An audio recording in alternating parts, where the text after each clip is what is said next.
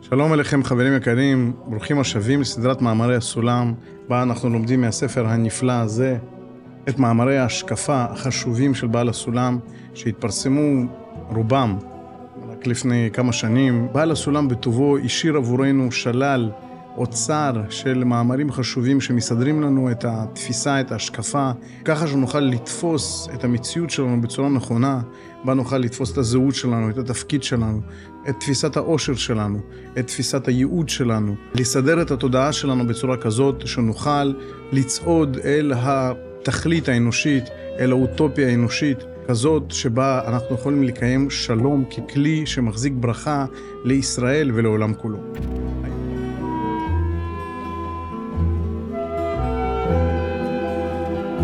היום אנחנו במאמר ס"ט, נביאי השקר. כאמור, אנחנו בחלק של הספר שעוסק בחכמי הקבלה. בעזרת השם, המאמרים שבחלק הזה של הספר יעזרו לנו לגבש את התפיסה הנכונה לגבי מי הם חכמי הקבלה, למי אנחנו צריכים להקשיב, מה אנחנו צריכים להיות כדי להפוך לחכמים כאלה, וכן, יש לנו תפקיד כזה.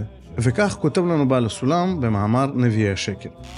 העולם טועים בעניין נביאי השקר. שסוברים אותם לאנשים ריקים ורמאים, שמרמים האנשים בדברי שקר. אלא האמת היא שלולא זכו לרוח השם, לא היו נקראים בשם נביאים כלל, אלא היו נקראים רמאים וכדומה. אמנם העניין מבשרנו נחזה, כי גם במציאות, בלידת האדם הגשמי, אנו רואים אשר עיקר המציאות של האדם נשלם בבית הטיפות דאביו ואמו, שנלכדו זה בזה במקום הנועד שנקראים רחם. כלומר שאחר מקרה הזה הרי כבר מציאות הוולד מובטחת שיתפתח לאט לאט, שלוש מילים חסרות, עד שיהיה איש.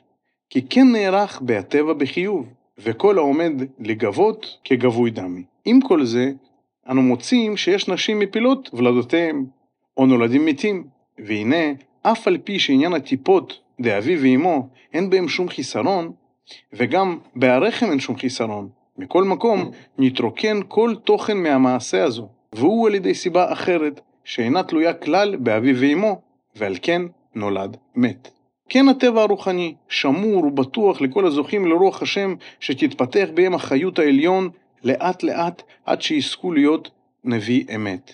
ועם כל זה, בטבע הגשמי, כן בטבע הרוחני, יש מקרים יוצאים מן הכלל, אשר משום איזו סיבה חיצונה נפסק סדר התפתחותם באמצע, והזרעה נתרוקנה מכל תוכן, כי נסתלק ממנה רוח השם בטרם נקלט באדם. והנה, האדם הזה, כיוון שהוא יודע גשמי, וחי גשמי זולת רוח השם, לפיכך, אם היה לו לפעמים איזה חיבור כיצד שהוא ברוח השם, נמצא שיישאר בו איזה רשימו, גם אחר ההסתלקות. ותדע, אשר הדעת הגשמי שלו מתערבת עם אותו הרשימו. ועל כן, התערובת הזו מוליד בו נביאות של שקר. שהוא עצמו חושב שהוא דבר השם, ובאמת הוא שקר ובדותה, שנמצא לו משכלו הגשמי בעירוב הרשימו של רוח השם. ובזה תבין הכתוב, ויאמר הרוח, אני אצא והייתי רוח שקר בפי כל נביאיו, כמו שכתוב במלכים. ויש באלה דרגות רבות, כי יש בהם מבחינת קליפה לגמרי מתחילתם, דהיינו כמו טיפה של דחר, שלא פגש במקום רחם נוקבה, וזהו שיקרה לולא דברי השם, ולחדשים.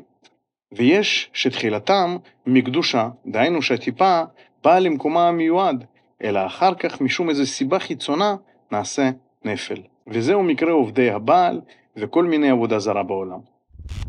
נעצור כאן וננסה להסביר את הדברים האלה מההתחלה. ראשית, אומר לנו בעל הסולם על נביאי השקר. המושג הזה לא ברור, לא מוסבר בצורה רחבה, אולי לא ידוע להמון, אבל אנחנו מכירים את המושג הזה, אנחנו מכירים אותו בהיסטוריה, אנחנו מכירים אותו בהיסטוריה של רוחניות, באנושות. אומר, נביאי השקר האלה, על אף שסוברים שהם סתם רמאים ובאים לנצל את בני אדם, לא כך הדבר. אלא שהאנשים האלה כן זכו לאיזושהי התגלות, לאיזושהי רוח השם, כי לולא זה לא היו נקראים נביאים. ובהגדרה הזאת, נביאי השקר, נביא זה אדם שיש לו איזושהי השגה רוחנית או איזושהי התגלות רוחנית שחווה. אבל המילה שקר מרמזת שיש פה איזשהו כשל. אבל לא נאמר על האנשים האלה שהם שקרנים ורמאים בלבד, אלא שהם גם נביאים. ורוצה להסביר לנו איך זה עובד. אומר, אמנם העניין מבשרנו נחזה, זה תפיסה שאומרת מבשרנו נחזה אלוקה, או אלוקי.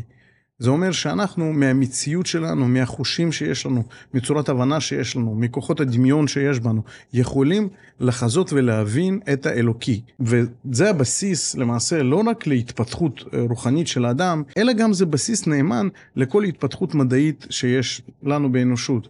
כי אנחנו אומרים, הטבע הוא מושלם, הטבע הוא מקורו בבורא עולם בסיבה ראשונית, ומהטבע הזה, אם נחקור אותו, נוכל להבין את דרכיו. ומה אנחנו רואים בטבע הזה? מה אנחנו רואים במציאות הזאת שהיא מושלמת ובאה ללמד אותנו איך עובד העניין האלוקי? הוא אומר, אנחנו רואים באדם שמציאותו נשלמת בבית טיפות דאביו ואמו, זה משל להולדת האדם או עיבור שנובע מבית טיפות של טיפה של אבא וטיפה של אימא שמצטרפים ביחד, שנלכדו זה בזה במקום הנועד להם שנקרא רחם. דהיינו, אם החיבור הזה קורה במקום הנכון, הם נלכדים, שם יש אה, הזרעה, באנגלית אינספשן, או נקודת התחלה שממנה מתחיל האדם בתור עובר. כלומר, שאחר מקרה הזה, הרי כבר מציאות הוולד מובטחת שיתפתח לאט לאט. זאת אומרת, כל מה שצריך מצידנו זה להפגיש את הטיפות האלה במקום הרחם, ואז הטבע והמציאות כבר עובדת בצורה מוכנה, שלא נדרש מאיתנו איזושהי עבודה מיוחדת, כדי שכן יתגבש האדם ואף ייוולד לאט לאט על דרך התפתחות. עד שיהיה איש, כי כן נערך בהטבע בחיוב, זאת אומרת, זה הכרח. וככה ניתן לנו מלמעלה, וזה בדיוק המציאות שממנה אנחנו צריכים לחזות את האלוקה.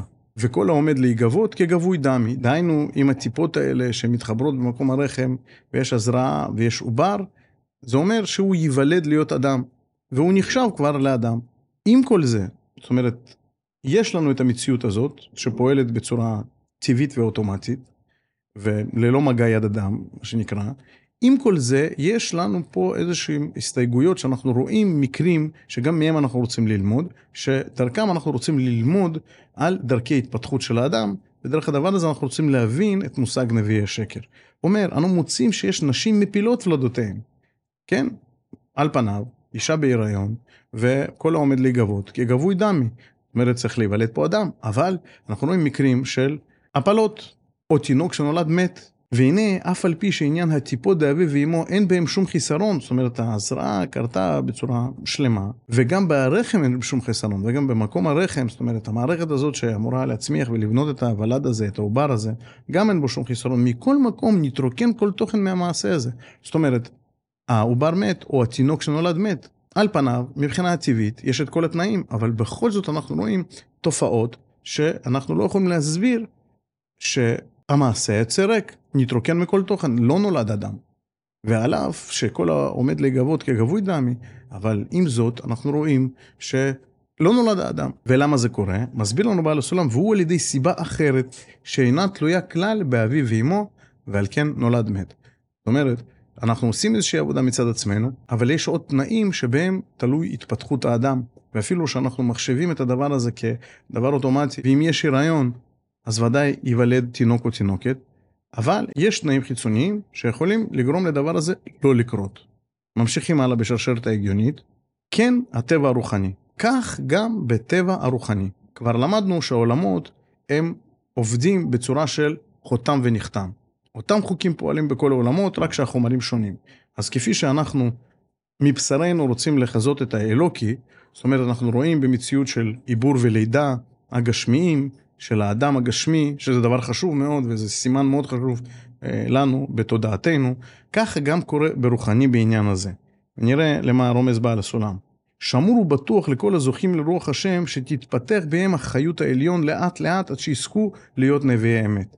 זאת אומרת, אנשים שזוכים לרוח השם, שמור ובטוח להם שהם יוכלו לקחת את נקודת הזרעה הזאת, או באופן טבעי נקודת ההזרעה הזאת, תגדל ותצמח, ואז בעצם מי שייוולד זה נביא השם.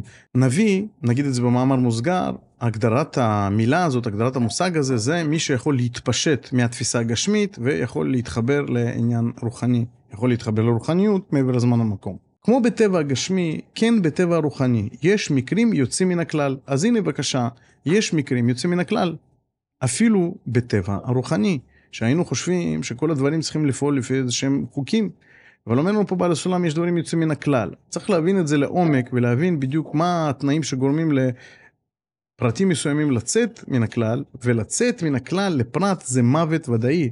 וכמו שאנחנו אומרים שוולד עובר שיוצא מכלל האדם שצריך להיוולד, נולד מת, זה בדיוק יוצא מן הכלל, כפי שאנחנו רואים בגשמי, וכך גם ברוחני, אשר משום איזו סיבה חיצונה נפסק סדר התפתחותם באמצע, והזרעה נתרוקן מכל תוכן. זאת אומרת, יש סיבה חיצונית שגורמת להתפתחות של נביא, של התפתחות הרוחנית הזאת, להתרוקן מכל תוכן. דהיינו, שלא יהיה נביא, או נביא השם, או נביא אמת. כי נסתלק ממנה רוח השם בטרם נקלט באדם. וזאת התופעה. בשל איזושהי סיבה חיצונה, כמו שאומר לנו בעל הסולם, נסתלק ממנה רוח השם בטרם נקלט באדם. זאת אומרת, בנביא צריכה להיות רוח השם, אבל בזמן ההתפתחות, בשל איזושהי סיבה חיצונית, מסתלקת הרוח הזאת ולא יוצא נביא. ממשיך ואומר שהאדם הזה, בהיותו גשמי, שחי גשמי ויודע גשמי, זאת אומרת, יש לו גם מציאות של חיים גשמיים, עם תפיסות הגשמיות שלו, וגשמי זה לאו דווקא אומר אה, רק תפיסה חומרית, אלא גשמי זה אומר פרטיות, שאדם באופן טבעי, שהוא לא מחובר לרוחניות אמיתית, הוא רק דואג לעצמו ורק מושך את כל ההערה לטובת הפרטיות שלו. אם יש בו נגיעה לרוח השם, כמו שאומר לנו פה, לפעמים איזה חיבור, כיצד שהוא ברוח השם, נמצא שיישאר בו איזה רשימו גם אחר ההסתלקות. רשימו, רשימה, איזשהו זיכרון. הוא אומר, אם לאדם הייתה איזושהי נגיעה ברוחניות, היא נשארת אצלו. גם אחרי שהיא מסתלקת, היא נשארת אצלו כזיכרון. ותדע אשר הדעת הגשמי שלו מתערבת עם אותו רשימו. זאת אומרת, אדם באופן טבעי הגשמי, ויש לו עכשיו איזושהי נגיעה ברוחניות, והרוחניות מסתלקת, והרשימה נשארת, היא מתערבת אצלו עם התפיסות הגשמיות שלו. זאת אומרת, הרוחניות מתערבת בגשמיות. והתערובת הזאת היא זו שמולידה בו נביאות של שקר. שהוא עצמו חושב שהוא דבר השם. ובאמת הוא שקר ובדותה, שנמצא לו משכלו הגשמי בעירוב רשימו של רוח השם.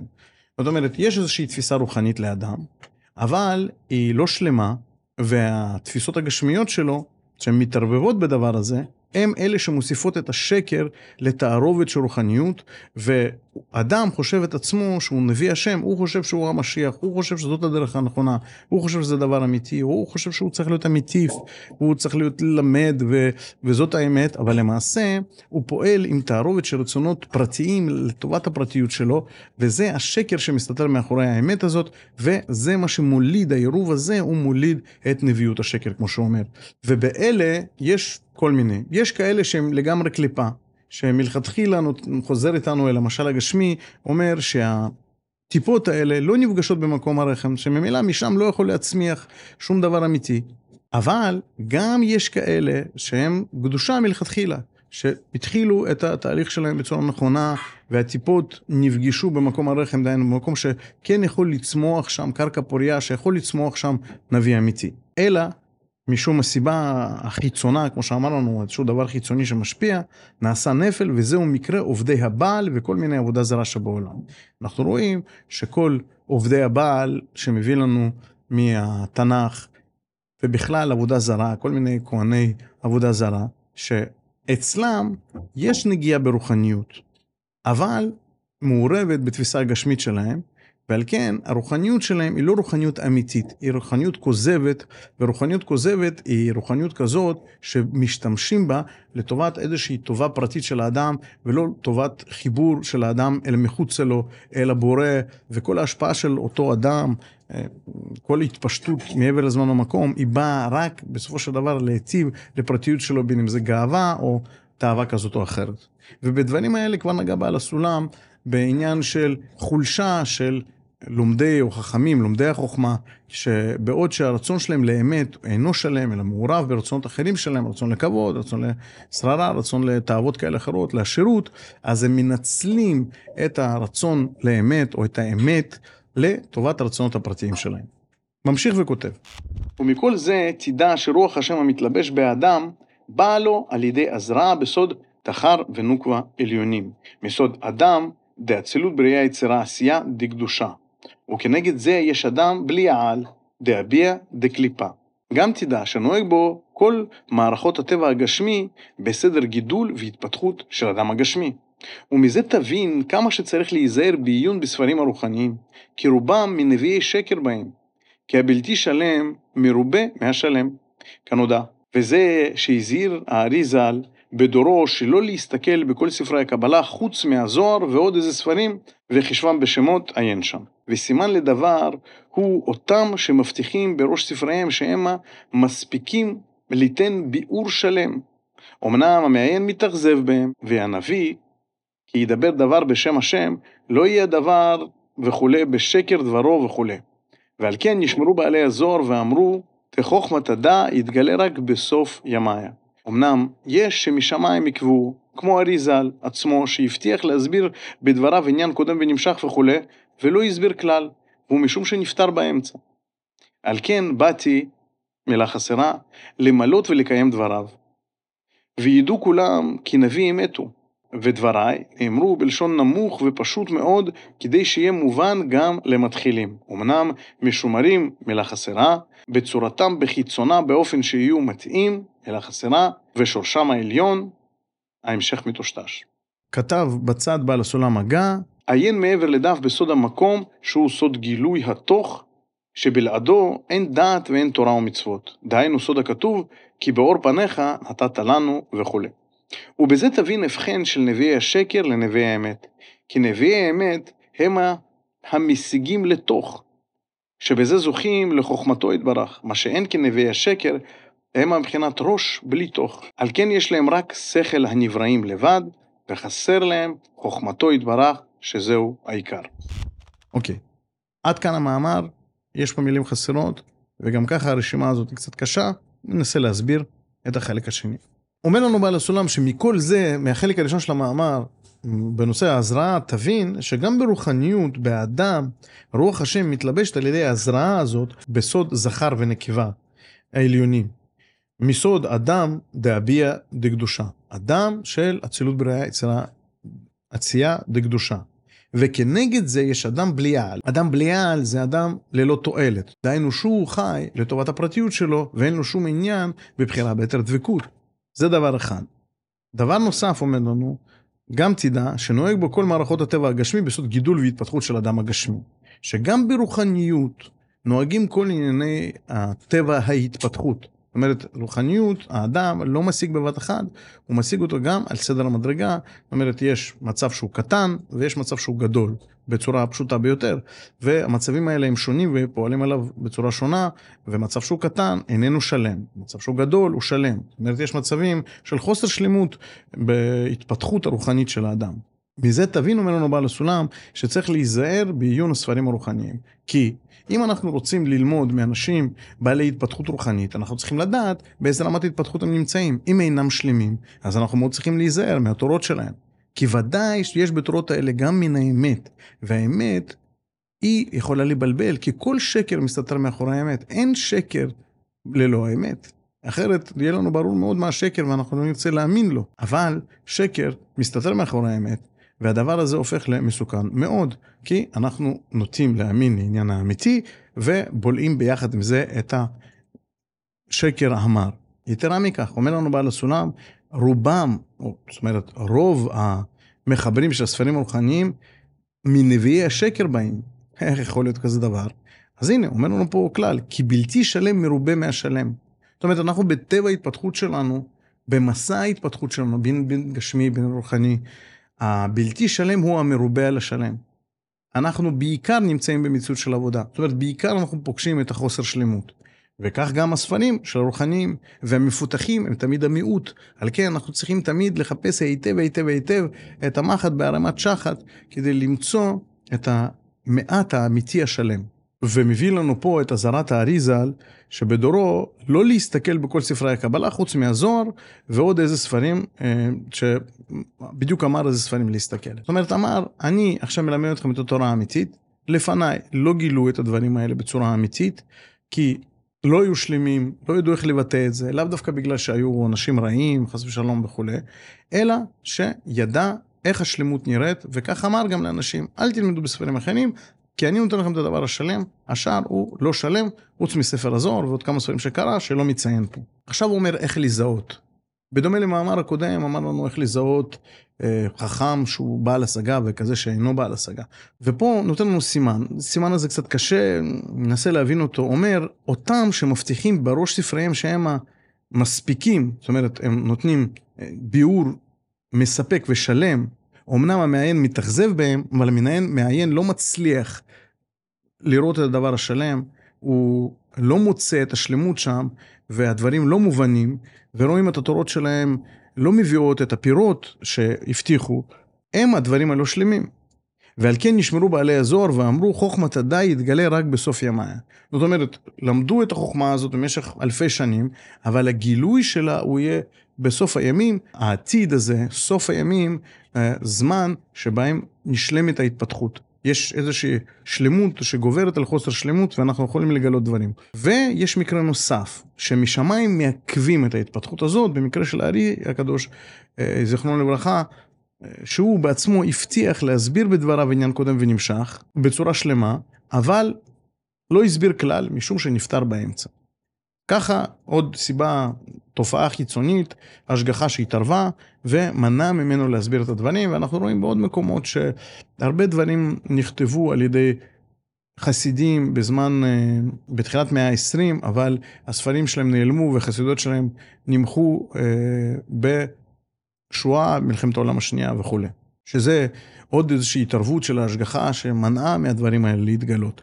וגם אנחנו רואים בספר הזוהר הקדוש שמספרים על ספרים שעבדו, ספרי רפואה חשובים, ספרי חוכמה של האדם הראשון שעבדו מאיתנו, לקחו אותם מאיתנו כי אנחנו איננו ראויים.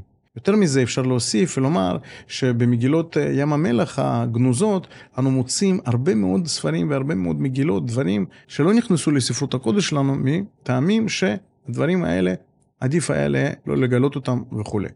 והיום שהם מתגלים, אז גם סימן בשבילנו, אולי להתייחס לדברים האלה, לגילויים של הדברים האלה. ופה בעל הסולם, בסוף המאמר, חוזר לתפקידו עצמו, ואומר, על כן באתי למלות ולקיים דבריו של הארי הקדוש. ותראו, עוד הודעה ועדות שבעל הסולם אומר, אני באתי לקיים את דבריו של הארי הקדוש, לגלות את הסדר של החוכמה בעניין קודם ונמשך. וידעו כולם כי נביא אמת הוא. בעל סולם לא לוקח את זה לעצמו, אלא משייך את זה לארי הקדוש. אמר הארי הקדוש הבטיח, והתורה שלו היא שלמה, ואני באתי להשלים את התורה שלו, היא שלו. אני באתי להביא אותה לעולם, להוציא אותה החוצה בצורה שלמה, כדי שידעו שהוא נביא אמת, שהוא נביא שלם. ויותר מזה, אומר, דבריי נאמרו בלשון נמוך ופשוט מאוד, כדי שיהיה מובן גם למתחילים. דהיינו שהדברים האלה, התורה הזאת של הארי הקדוש, תורת בעל הסולם, לא תביא לאכזבה בעיני המעיינים. והמעיינים הם משתנים מדור לדור. אם המעיינים של פעם היו צריכים להיות רק חכמים משומרים, היום החוכמה הזאת פתוחה לציבור גדול.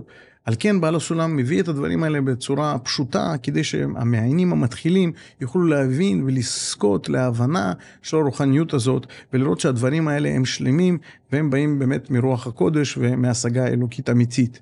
ועם זאת, משומרים בצורתם, בחיצונם, באופן שיהיו מתאים, יש פה מילים חסרות, ושורשם העליון וכולי וכולי, מילים חסרות. אם אנחנו ננסה להשלים את הדברים האלה בזהירות מאוד, אנחנו נגיד שמחד, ודאי אנחנו רוצים להוריד את הדברים למקום של המתחילים, או בצורה פשוטה, אבל לסגור אותם, לאטום אותם בצורה מדויקת, להגדיר אותם, כדי שהם לא יגרמו לטעות ולא נגרום לטמטום החוכמה הזאת. וזאת גם חוכמה גדולה, שמישהו מחויב לאמת, ודאי ישקיע בה. מאידך, אנחנו יכולים לראות שיש הרבה אנשים שפונים לציבור גדול ורוצים שהדברים שלהם יהיו מקובלים על האנשים הכי פשוטים, אה, יהיו מאוד אה, רחבים בתפוצתם. אבל זה בא עם סכנה, שאם אה, קודם כל עובדים רק בשביל ההמון, אז אפשר לעוות את החוכמה רק בשביל הכבוד שנותן ההמון מחד. מאידך, להפוך את החוכמה לגרסה מאוד פשוטה ופשטנית שלה, שוודאי תחטא לאמת, כי יש דברים מורכבים ומסובכים בחוכמה. בצד רשם בעל הסולם עוד דבר שהוא קצת קשה, אומר שנביאי השקר הם מביאים רק את הראש. היינו, יש להם איזשהו רעיון אה, כללי מופשט, ונביאי האמת, יש בהם גם תוך. מה זאת אומרת תוך? נביאי האמת הם משיגים לתוך, שבזה זוכים לחוכמתו יתברך. זאת אומרת, החוכמה הזאת מתפשטת בהווייתם, על כן הם זוכים לא רק אה, להבין בצורה עיונית דברים שנכתבו, אלא גם יכולים להביא מעבר מהווייתם תשובות ואמיתות שבאים מחוויה אישית, מחוויה רגשית, נפשית, שהדברים האלה יתפשטו לליבם. מה שאין כנביאי השקר הם מבחינת ראש בלי תוך. על כן יש להם רק שכל הנבראים. אומרת, בנביאי השקר, באמת יש הרבה מאוד ספרים שבאים לפרש לנו דברי משנה, דברי תלמוד, בצורה של היסטוריה, בצורה של איזושהי הבנה גשמית אה, אנושית פשוטה, והדברים האלה צריך מאוד להיזהר, כי אינם רוחניות, אלא איזשהו פירוש של גשמיות את הרוחניות. אבל אם אנחנו מפרשים את הגשמיות על דרך הרוחני, זאת, זה הדבר האמיתי. ובשביל זה צריך שתהיה חוויה בנביא אמת, שהוא יוכל לחיות גם את התופעות הגשמיות ולפרש אותן על פי ה... האמת הרוחנית ולהבין מה הענף שמצביע לשורש. וחסר להם חוכמתו יתברך, שזהו העיקר. חסרה להם חוכמה. מה אנחנו לומדים מהמאמר הזה אני חושב שבעיקר על עצמנו, אמ, שאנחנו צריכים להיות מאוד זהירים אם תפסנו בסוף את הדברים, זה אחד. דבר שני, לשאוף להשגה ולהתפשטות של דברים עיוניים ושכלים שאנחנו לומדים בשינונים שונים אל הלב. דהיינו שנרגיש את האמת, שנרצה אותה, שנוכל אמ, להגיד, אני מבין את האמת, אבל אני גם רוצה מאוד לחוות אותה ולהרגיש אותה, ואני רוצה לחיות את החיים שלי על פי האמת. ובשביל זה צריך האדם סביבת פעולה, צריך קבוצה תומכת, צריך איזושהי מסגרת שיש לנו ביהדות אותה בצורת הלכה ועוד הרבה מנהגים חשובים מאוד שיש לעם ישראל. ושימו לב, הדברים האלה, לא כדאי לזלזל בהם. הרבה פעמים אה, אנחנו, במיוחד במציאות שלנו בישראל, שיש מחלוקת על מהי הזהות היהודית, יסתכלו אנשים אה, מבחוץ על אה, אנשים חרדים, יגידו, צורת ההנהגה שלהם וצורת החיים שלהם נראית לנו מאוד פרימיטיבית בצורה גשמית, אבל צריכים לשים לב שהדברים האלה הם דווקא שומרים על מסגרת וסביבת פעולה שבה תופעות רוחניות יכולות לצמוח, ואסור לזלזל בדבר הזה. אם כי ודאי שהדבר הזה הוא רק סביבת פעולה, זה לא מספיק, צריכים להמשיך לחקור, אבל בדרך ההתפתחות צריכים לראות מה מסדרים קודם, מה מסדרים אחר כך. מבחינתנו הדבר החשוב פה וזה בדיוק מה שאנחנו עוסקים בו, שקודם כל אנחנו צריכים להבין את ההשקפה. ההשקפה תסתדר לנו את הראש, אנחנו צריכים לראות איך לפרש ולפי איזה חוקים לפרש את המציאות, ובהתאם לזה לבנות לעצמנו סדר התפתחות, כמובן לעבוד בקבוצה, כמובן שיהיה רב שמכוון, כי אם אני מבין ורוצה רק להבין דברים על פי עצמי, יש סכנה גדולה שאני רוצה לפרש דברים רק לפי מה שמתאים ונוח לפרטיות שלנו. וזאת הסכנה הגדולה מאוד, וממקום הזה אפשר להיות נביאי שקר. וכולנו צריכים כל הזמן להיזהר בעניין הזה. האם מה שאנחנו אומרים, מלמדים, עוזרים לאנשים, זה דבר אמיתי? זאת האמת? האם אנחנו מכוונים לאיזשהו דבר שהוא מחוצה לנו, ליצירת מקום משותף? האם הדבר הזה מבטא בחירה ביתר דבקות, או שאנחנו רק רוצים לנצל את העולם את החיים, את ההשגחה שסביבנו וגם את הבורא. ואפילו שאנחנו בסביבה משומרת, ואפילו שאנחנו עומדים בתפילה, צריכים לשים לב לאיזה תפילה אנחנו נושאים. האם אנחנו באים עם רשימת מכולת לבורא יתברך ואומרים, אני רוצה את זה ואת זה ואת זה ואת זה, או שאומרים, השם, אני מאוד רוצה להתחבר, להידבק, אני רוצה לא לטעות, אני רוצה לעשות את התפקיד שלי במציאות, ניסיתי כך וניסיתי כך, ואינני מצליח, תעזור לי. וזאת תפילה אמיתית. אז הנה איכשהו הגענו לתפילה, כי אני חושב שבעניין של השגה רוחנית, תפילה זה דבר מאוד מאוד חשוב, כי אנחנו צריכים לא לשכוח שהתוצאות וכל האורות מתפשטים לנו ובאים לנו מהבורא יתברך, אפילו המחשבות הכי מוזרות שלנו באות לנו מהבורא יתברך, כדי שאנחנו נקבל אותם, נשים אותם על השולחן שלנו ונראה איזה עבודה צריכים לעשות. כך גם בהתפתחות הרוחנית, בעזרת השם, שאנחנו נזכה להתפתח, להיות נביאים, כי אנחנו בני נביאים, והעניין הזה של אדם שיכול להתפשט מלבושים הגשמיים שלו ולראות מעבר, זה אומר שגם יכול להתפשט מהתפיסות הפרטיות שלו שהכל רק לי, מהאגוצנטריות, זמניות ההרגש, כפי שמלמד אותנו הרב אדם סיני שליטה במודלים הנפשיים שנובעים מהרוחניות הזאת, שהם ודאי יישומים של הדרך הזאת של בעל הסולם שמאוד בהירה, שמסבירה לנו את הדברים בצורה עמוקה עד כדי שנוגעת בנפש ואפשר לפתח ממנה דברים שאפשר לעבוד איתם ושהדור יוכל ליהנות מהם. כי אומר בעל הסולם במאמר אחר, שנביא אמת מביא תועלת גופנית לדור. עד כאן חברים יקרים, כל טוב.